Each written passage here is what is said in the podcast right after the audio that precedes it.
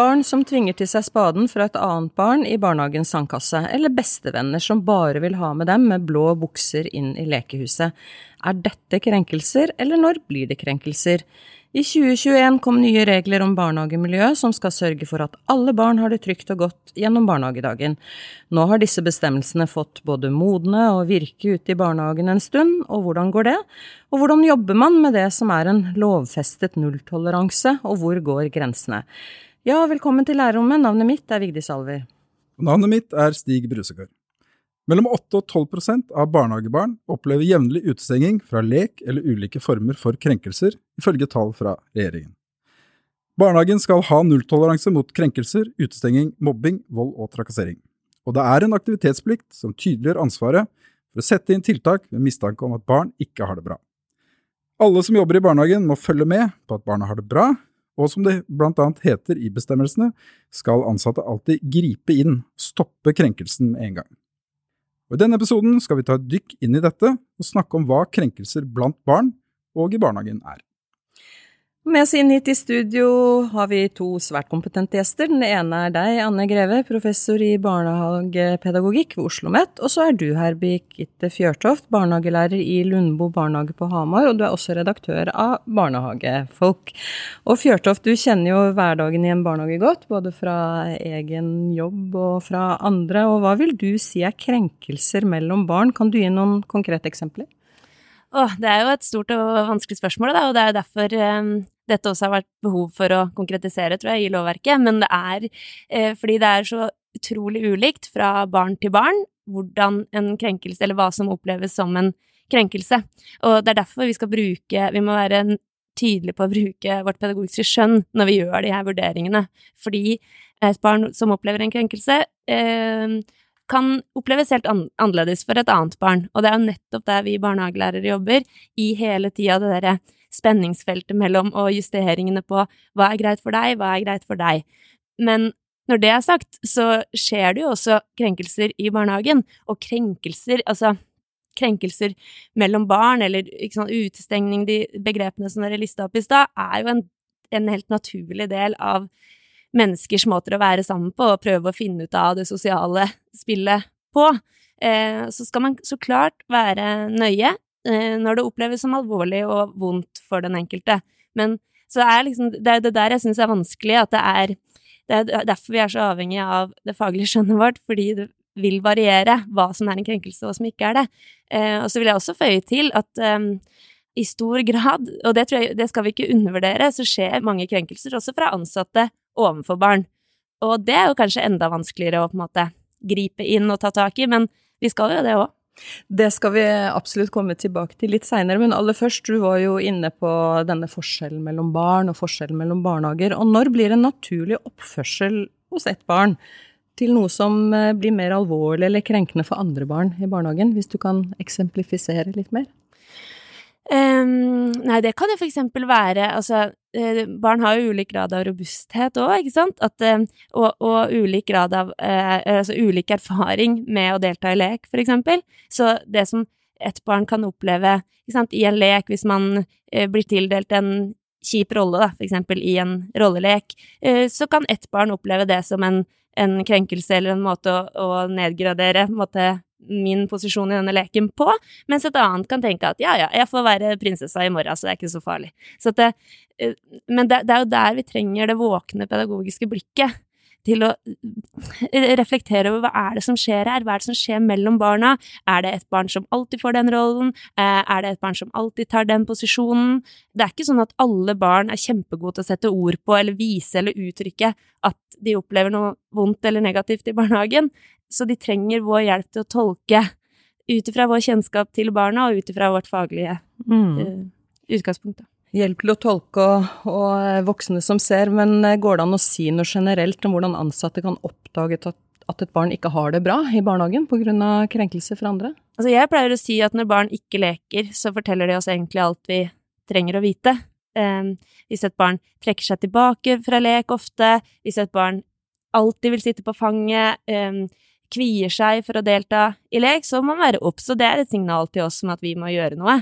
Det, så det kan jo være et tegn. Um, barn som trekker seg unna, vil, som er i lek, men kanskje helst alene, eller alltid med den samme, for eksempel, kan jo også være en, et tegn på at man kanskje trenger litt hjelp inn i, um, inn i det samspillet um, i leken, da.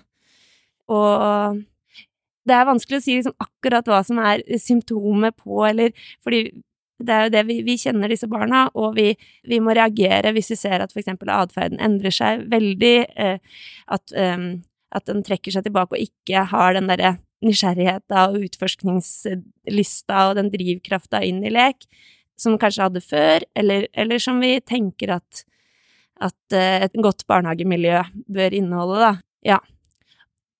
Og så vil jo se at barn eh, oppfører seg annerledes, eh, kanskje, eh, sammen med noen ansatte enn med andre.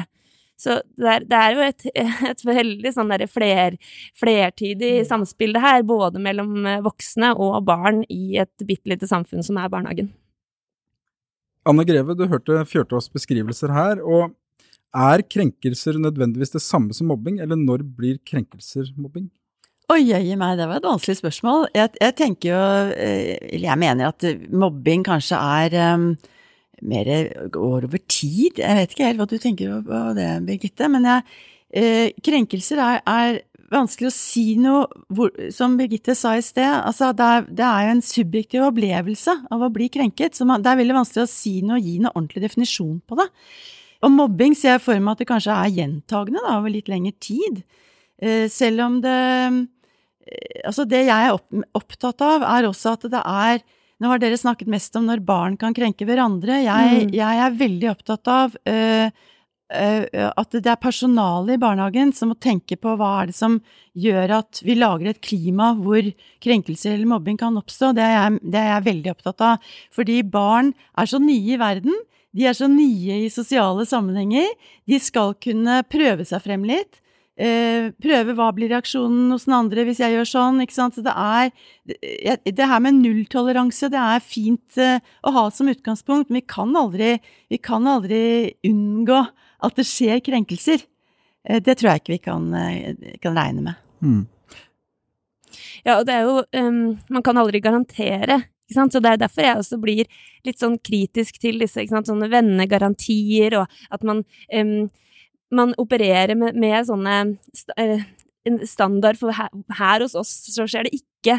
Eh, og jeg er jo litt sånn i utgangspunktet litt uh, usikker på uh, om, mob om, mobbing er riktig begrep å bruke når det er så små barn. For selv om det har skjedd mye i mobbeforskninga, og det har gått fra et veldig sånn individfokus uh, til et mer helhetlig kontekstavhengig, kontekstavhengig forståelse av hva mobbing er, så fører også mobbing med seg det er noen som mobber, og det er noen som blir mobba. Eh, og det er ganske sånne fastlåste definisjoner da, på barn som Anne sier, som er helt i begynnelsen, eh, begynnelsen av livet. Du var jo inne på det, eh, voksne og ansatte som krenker barn. I en undersøkelse blant landets mobbeombud, som bladet Første steg står bak, og som også er publisert på utdanningsnytt.no, så kommer det jo fram at det er ansatte som krenker barn i én av fem av de sakene som mobbeombudet får. Toppen av isfjellet kommenterte et av mobbeombudene dette funnet. Eh, hva forteller disse tallene, slik du ser det? Ja, jeg tror det er Jeg, jeg er nesten overrasket at det ikke er, ikke er mer. Altså, jeg mm. syns at når det er Når jeg har vært en del ute i barnehagen, jeg har lyst til å si at jeg er barnehagelærer, jeg òg. Sånn når jeg er ute og forsker i barnehagen, så er jeg veldig glad for at jeg har en lang erfaring som barnehagelærer. Så jeg vet at det er ikke noe lett og det er mye lettere å være en forsker og sitte på et kontor og se på en video og tenke 'Å, dette ville jeg aldri jeg ha gjort', enn å være den barnehagelæreren som står i det hver dag med begge beina og må ta en avgjørelse fryktelig fort. Mm. Men det jeg tror eh, Jeg er opptatt av at vi skal stille hvis man er opp, Om du tenker på mobbing eller krenkelser, at de Jeg pleier å si de 25 første spørsmålene du skal stille til deg selv, det er 'hva er det med meg'? Hva er det med meg mm. som barnehageansatt, hva er det med meg som barnehagelærer, som gjør at mobbing kan forekomme i barnehagen? Og da tenker jeg på um, hvordan er det vi snakker om barna? Gir vi barna irettesettelser i plenum? Det vil jeg tenke er en, en eh, type krenkelse, det å få en irettesettelse. Eh, en, av, en, av, de barna jeg observerte til min doktorgrad, som nå begynner å bli lenge siden, jeg disputerte i 2007, men der, der opplever jeg, der ser jeg at det er en liten gutt som heter Nils, Jeg kaller han for Nils, han heter ikke det på ordentlig. Men han er en sånn gutt som får skylda for nesten alt som skjer i barnehagen som går galt, også de dagene han ikke er til stede. Og det forteller meg at Nils er en slags sånn, får en syndebukkstempel, og det er veldig Da tenker jeg han har vært utsatt for krenkelser. Og det er ganske alvorlig.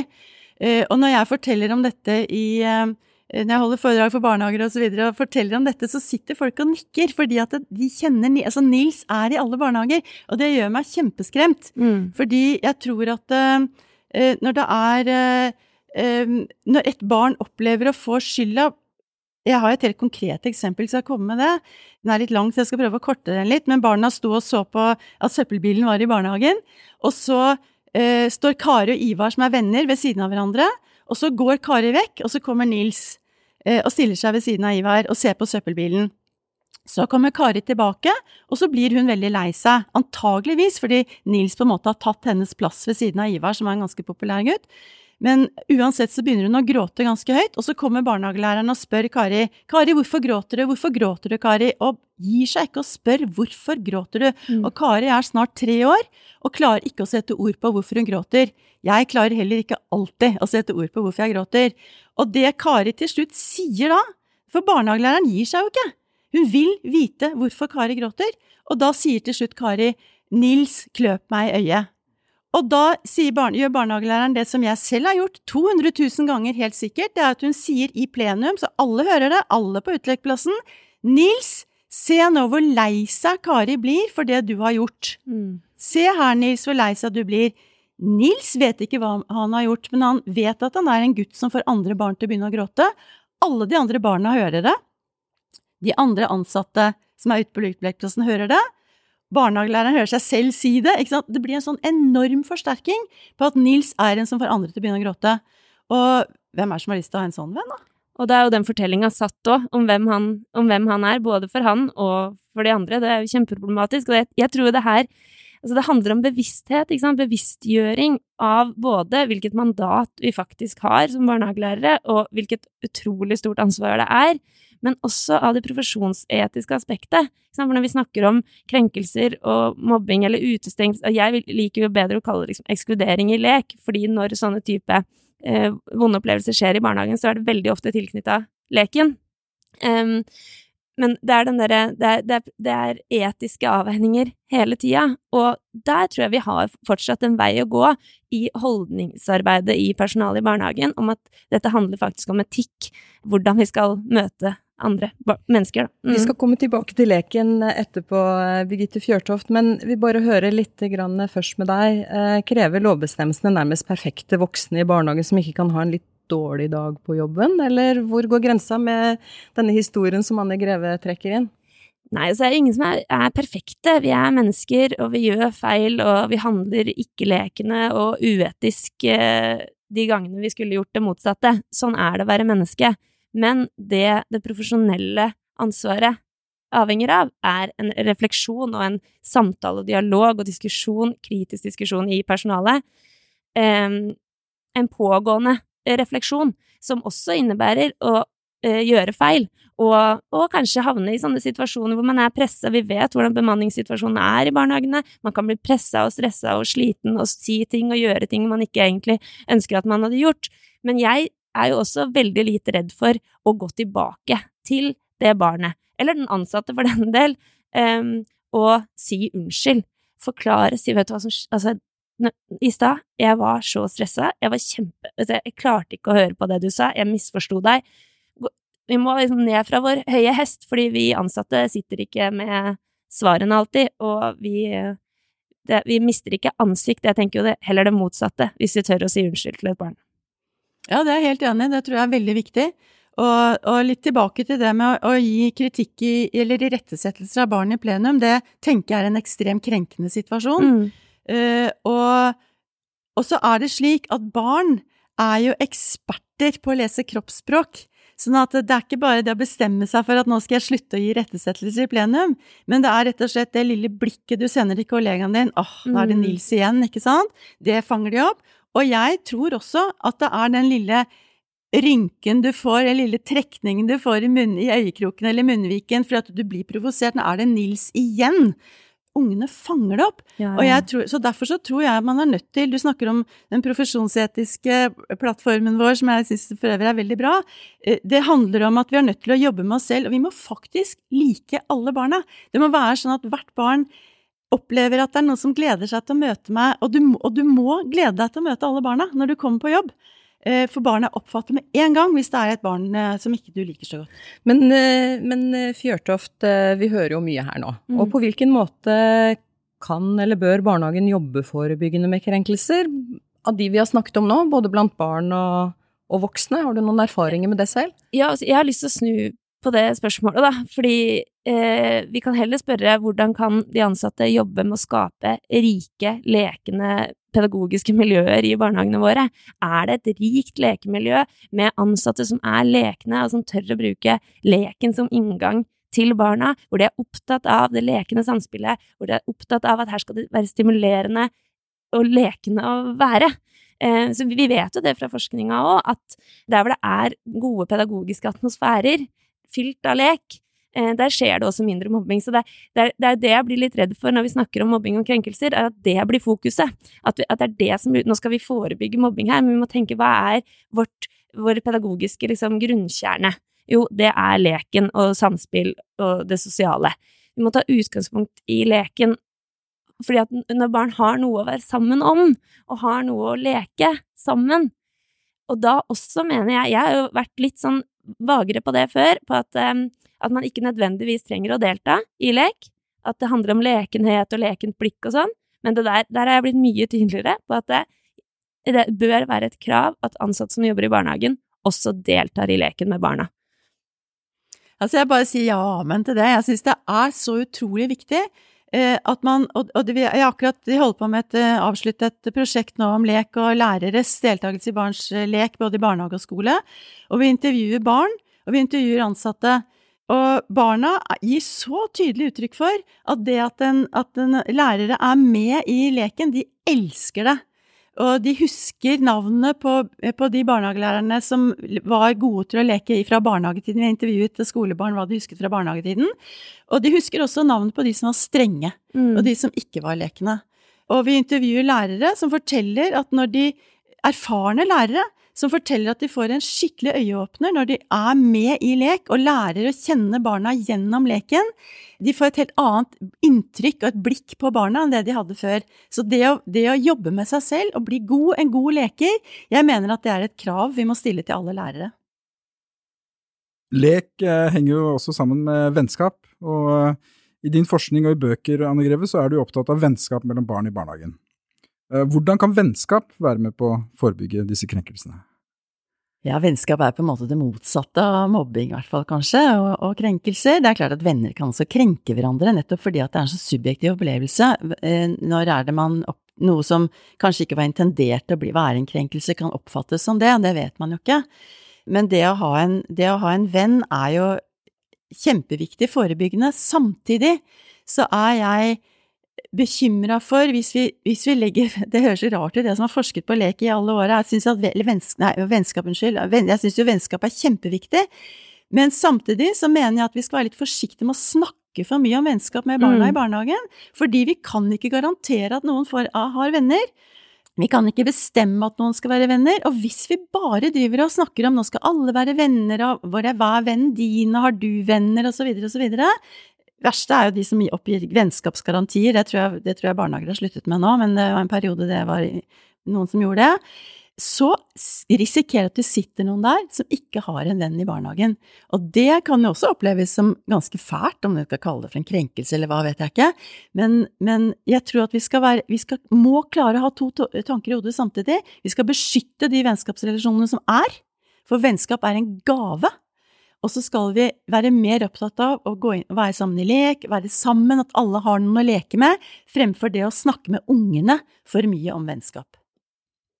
Ja, og det er jo det som også blir ofte hvis, Når man skal eh, måtte forsikre dette her, da, at alle har venner, eller at det ikke skjer mobbing, eller eh, Så er det jo også mye større eh, Lavere terskel for å måte sette inn noen sånne regler for dette samspillet. Og det har jeg hørt flere barnehager som har sånne lekeregler, for eksempel at hvis én kommer bort og spør om å få være med i denne leken, så må man si ja fordi den personen kommer alene, eller, eller hvis det er flere, så, så um, kan man si nei, for det er med tanken om at de kan leke sammen. Det er noe, da på en måte gjør vi den pedagogiske praksisen vår teknisk.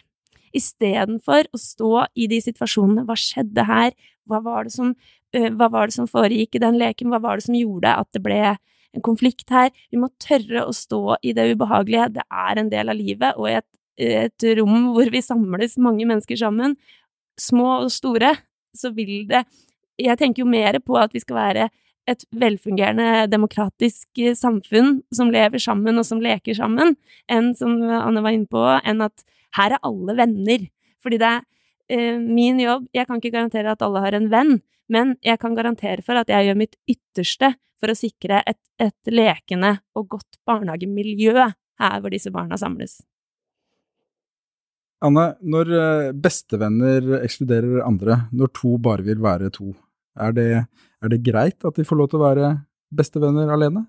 Ja, det også kommer jo an på, sånn som alt all annen pedagogisk praksis. Det er vanskelig å si en sånne, gi noen oppskrifter, men uh, jeg tror at, uh, at de, som, de, som, er så heldige å ha en venn, jeg tror at de i barnehagen godt kan hegne om det vennskapet. Jeg har hørt argumentasjon på at man skal prøve å skille venner fordi det blir så trist den dagen den ene vennen ikke er i barnehagen, eller at de blir, nettopp som du sier, at de blir ekskluderende overfor andre. Og jeg tror at man man heller skal det å, det å, kunne gå inn som lærer, og gå inn og leke med barna, bli kjent med dem litt mer fra innsiden, da kommer det ofte flere barn til for øvrig også, men de som har et veldig, veldig etablert eh, vennskap og er veldig trygge sammen, de kan kanskje av og til um, få lov å øve seg med å leke med noen andre, det er ikke det, men barn er så nye i verden, og kanskje trenger de, kanskje er det to barn som akkurat har funnet hverandre og begynt å bygge opp et vennskap, og da er det jo veldig, veldig trist å skille dem. Da kanskje trenger de å være ekskluderende overfor andre, fordi de, de trenger den roen rundt vennskapet sitt til å, til å, kunne fortsette å bygge det vennskapet. Og da skal de få lov til det, tenker jeg. Ja, det er derfor jeg også mener at man bør være litt varsomme med de der definisjonene som vi legger på ikke sant? Vi, at, de er bestevenner, og så, så de stenger ute alle andre. Fordi at barn har ofte helt andre motiver enn ondsinnede intensjoner med en type utestengelse, eksempel. Veldig ofte så handler det om å verne sin egen lek, og da må jeg tenke som barnehagelærer, ok, jeg, jeg skjønner at de, dere holder på med den leken, den er veldig spennende der.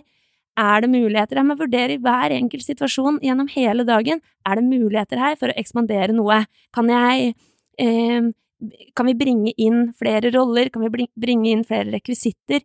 Og kan jeg spille en rolle i denne leken som gjør at det blir trygt og spennende, og kanskje leken kan vare enda lenger. William Corsaro sier jo veldig fint at eh, barn stenger ikke an... Altså hvis det kommer et barn og spør om å få være med i leken, så får de ofte nei.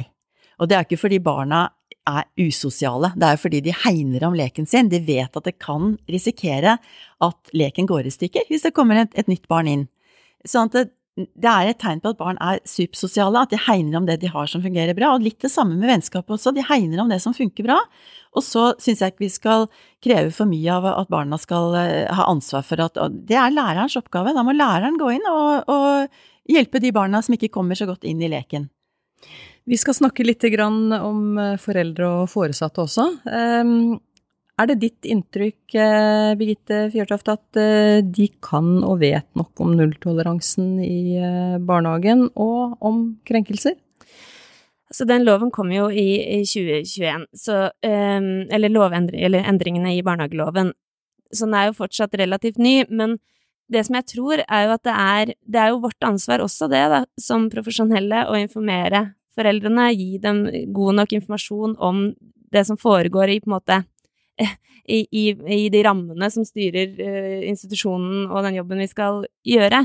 Og jeg, jeg tror det, det, som er mye annet som handler om måte, hva barnehagen skal være og ikke, så foreldre har veldig ulike både forventninger og, og, forståelse og kunnskap om hva de faktisk har krav på og rett til, og, og hva, hva, de kan forvente seg av barnehagens innhold generelt. Eh, så der har vi et stort profesjonelt ansvar, vi som jobber og er i daglig dialog med disse foreldrene. Sånn at det er jo en fare for ikke sant, at det er noen foreldre som veldig, er veldig klar over eh, hva, hva, disse Og på en måte har oversikt over eh, det juridiske språket og vet hva de kan stille av krav, og som er tydelige på det, mens det kanskje er noen som ikke i like stor grad er bevisst eller har, har, har kunnskap om det på samme måte. Eh, og der har vi et utjevningsansvar da, i å klare å formidle informasjonen sånn at alle forstår det, og at, eh, og at vi ikke skaper sånne, eller forsterker uh, forskjeller, da. Ja, for barna kommer jo hjem, og tenker at, hvordan tenker du at foreldre og foresatte bør følge opp det samme budskapet hjemme og i fritiden som det barna får i barnehagen? Jeg tenker det er viktig å snakke sammen om det som skjer i barnehagen, men, det, men, foreldrene har jo ikke noen forutsetning for å snakke om de viktige tingene som foregår i barnehagen, hvis ikke det, barnehagelærerne er tydelige på hva det er vi gjør, hvorfor det er vi gjør det sånn, hva er det som rører seg i barnegruppa, hva slags lek er det de holder på med nå, hva er det de er interessert i, vi må gi foreldrene noen sånne knagger, sånn at de kan prate om det som faktisk har skjedd. Det handler jo om pedagogisk dokumentasjon, ikke sant, eh, sånn at ikke det eneste spørsmålet blir hjemme var hvem har du lekt med? Eller har du en venn, som Anne var inne på i stad? Fordi vi har ansvar som barnehagelærere å formidle det pedagogiske arbeidet vi gjør, og de begrunnelsene og de hvorfor vi gjør det som vi gjør, og gi foreldrene noen knagger til å snakke om noe annet. Og med noe annet så mener jeg jo i stor grad at vi burde dokumentert barns lek mye mer i den pedagogiske dokumentasjonen for å gi foreldrene innblikk i at, hva det er som foregår. Ja. Men hvis det finnes foreldre og foresatte, og det gjør det jo, som ser eller mener at uh, deres eget barn faktisk blir krenka i barnehagen, hva, hva skal de gjøre? Og hva om de voksne i barnehagen ikke er enig? Ja, det må vi ta på stort alvor. Alle sånne, alle sånne typer henvendelser som kommer om, om, at et barn ikke har det bra i barnehagen, enten det kommer fra foreldrene eller fra tannlegen eller fra helsestasjonen eller hva, ikke sant? alle signaler på at et barn ikke har det godt, har vi et ansvar for å følge opp.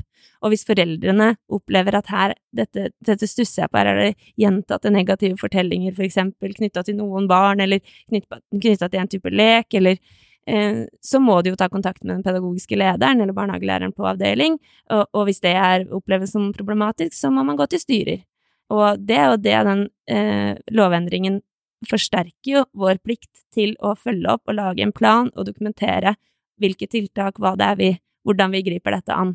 Og det er jo alltid interessant, synes jeg, når det er ulike oppfatninger eh, fra det foreldrene opplever og det vi opplever. Det er som Anne sa i stad, da må vi se på, tilbake på oss sjøl, på praksisen vår, på lekemiljøet. Er det noe vi ikke har fått med oss her? Det er jo en gyllen anledning til å reflektere kritisk over hva er, som, altså, hva er det som skjer, er det noe vi ikke har fått med oss? Er det Og så er det jo det at man henvender seg til PED-leder eller styrer, og, og, vi går videre med dette, betyr ikke nødvendigvis at, at, det blir en kjempelang prosess og masse planer og masse greier, Men kanskje det fører til en lærerik eh, dialog mellom barnehagen og hjemmet, eh, som vi også er forplikta til, for å si det sånn. Ja.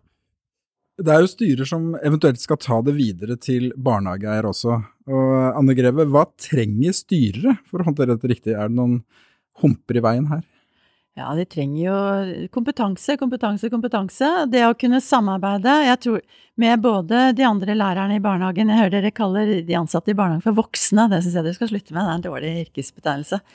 Eh, men, eh, men eh, Samarbeide med de andre lærerne i barnehagen, eh, samarbeide med foreldrene, ikke minst. Altså det å kunne ta Foreldre er bekymra for ungene sine. Eh, det, det er, tror jeg alle foreldre er. Og det å ta den bekymringen på alvor, jeg tror det å møte foreldrene sånn at de opplever å bli møtt av en styrer. Jeg har selv opplevd som mor å bli møtt av en rektor på en skole med et problem jeg hadde, og rektor svarte meg at det er ikke noe problem. Og da tenker jeg at det er, det er en veldig dårlig måte å møte en, en bekymret mor eller far på. Sånn at det å lytte til hva det er foreldrene sier, og informere, informere, informere. Og så syns jeg jo også at man skal ha foreldremøter hvor man snakker om det. Eh, dette her også, hvordan er det vi omtaler hverandre? Hvordan er det mm. foreldrene sitter og snakker om ungene hjemme? Eh, eller de andre ansatte, eller hvem som helst egentlig i samfunnet, på Dagsrevyen og hvor som helst. Altså hvordan er det vi snakker om andre mennesker? Alt dette er med på å skape miljøer der krenkelser og mobbing kan forekomme. Hvis barna er vant til å høre at foreldrene sitter og snakker ned om en, eller annen politiker eller en eller annen på TV, så blir jo det på en måte en sånn da er det en, en grei måte å Da vet jeg sånn man oppfører seg overfor andre. Og det, det her tror jeg må være en bevisstgjøring også hos foreldre. Ja, og eh, du, altså styreren har en utrolig viktig rolle i dette. Og eh, sant, du sier kompetanse, kompetanse, kompetanse. Og jeg vil være enda mer spesifikk og si at en styrer må ha barnehagelærerutdanning og barnehagelærerkompetanse for å nettopp være i stand til å håndtere alle disse ulike vurderingene og refleksjonene og tilbakemeldingene og hendelsene. Og styret må også tørre å være tydelig i faget vårt. Vi må ikke Det er jo vi må ikke um, vingle der, altså. Som styrer i barnehagen så har du et, et, det øverste ansvaret for det pedagogiske arbeidet, og for Så må Styrerne er kjempeviktige, og de må ikke la seg bøye av verken uh, ønsker om å kjøpe inn mobbeprogrammer eller alt det skal være i toppen der. Vi må tørre å stoppe opp og si men hei, jeg har kompetanse på dette. La meg diskutere det med mine pedagogiske ledere. Altså, ja. Hva vet vi om hvilke konsekvenser det kan ha for barn som opplever mange krenkelser i barnehagen? Vet du noe om det, Birgitte Fjørtoft? Det er jo mye forskning som gir, tyder på at det gir veldig negative følger, at det blir sånne følgefeil eh, som, som, følger barna gjennom, gjennom skolegangen, og, og, men det, for dette det er jo en, en, en krenkelse av selve, eh, kjernen vår, det som er meg, hvem jeg er sammen med andre. Eh, og det, dette handler jo også om tilknytning. Mange negative erfaringer med vonde opplevelser, krenkelser, eh, fra både ansatte og andre barn, vil jo rokke ved hvem jeg tenker at jeg kan være i den verden her. Så det er jo kjempe eh, kjempealvorlig konsekvens, mulig konsekvens. Men det, er, det er jo derfor vi vil ikke Dette er ikke noe enkelt å sette noe tall på, ikke sant, eller å måle, eller eh, bestemme Dette er ting som kanskje som vi så i den første stegreportasjen som det ble henvendt til, så det, var det jo voksne barn som refererte til sin, sine opplevelser i barnehagen. Dette er ting som kan sitte i så lenge, og nettopp derfor er det, er det så viktig at vi jobber forebyggende både med tanke på den lekende praksisen i barnehagen og miljøet vi skaper der, men òg i dialogen med foreldrene. Fordi altså, dialogen med foreldrene må ikke oppstå når eh, det har skjedd når, når at Den kan ikke starte når det er en negativ situasjon som har oppstått, eller en bekymring fra foreldrene oppstår. Det er derfor jeg er så opptatt av at vi hele tiden kontinuerlig må beskrive, forklare, diskutere med foreldrene. Ja. Ja, og så er det jo slik at, at små barn, som jo igjen gjentar det, de er jo helt nye i verden, vi må ikke glemme det. Det å bygge opp en, en selvtillit, det tar tid, og det går fortere å rive den ned igjen. Og barn som har opplevd kanskje å bli krenket eller bli utestengt, eller rett og slett ikke har opplevd å bli at noen er glad i dem, Uh, og det kan jo til og med være uh, tilfellet i familien, ikke sant? Barn som har hatt en veldig tøff start i livet sitt de, det er jo ikke sånn at de kaster seg rundt halsen din når du som, som, barnehagelærer prøver å leke med, eller prøver å ta kontakt, vise at du er glad i osv., fordi det blir en forsvarsmekanisme hos den ungen å holde avstand.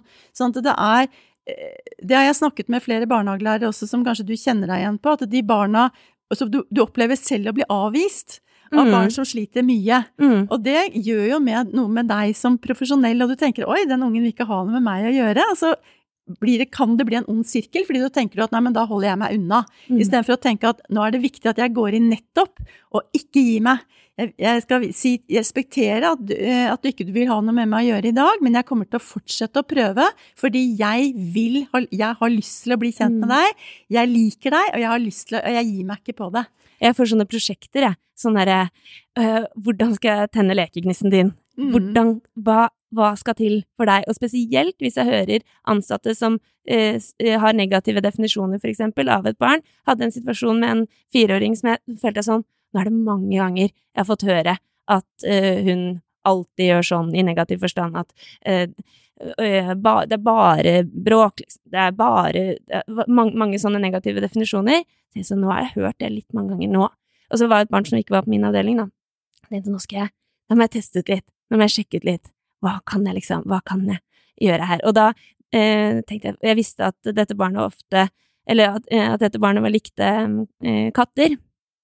Hvis jeg er en liten katt nå, hvis jeg er en kattepuss, og eh, mjauer meg bort til deg Og det funker jo nesten Altså, jeg har til gode å oppleve at ikke et barn responderer lekende hvis du har en, en nyansert eh, og bruker den pedagogiske takta, da.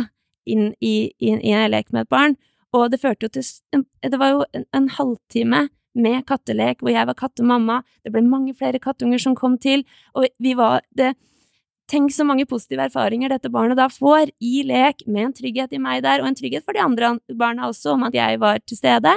Og så blir det en sånn positiv blir en positiv erfaring. Da. Vi må hele tiden jobbe for å skape de øyeblikkene der. Altså, jeg kan ikke få sagt det nok.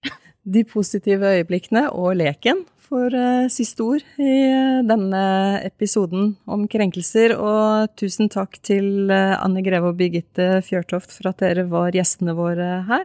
Tusen takk også til deg som hører på Lærerrommet. Del gjerne episodene våre videre med alle du kjenner. Og alle Lærerrommets episoder finner du i kjente podkastkanaler, og husk å abonnere. Lærerrommet er snart tilbake med et nytt tema hentet fra det store utdanningsfeltet. Nå sier vi ha det bra. Ha det! Ha det!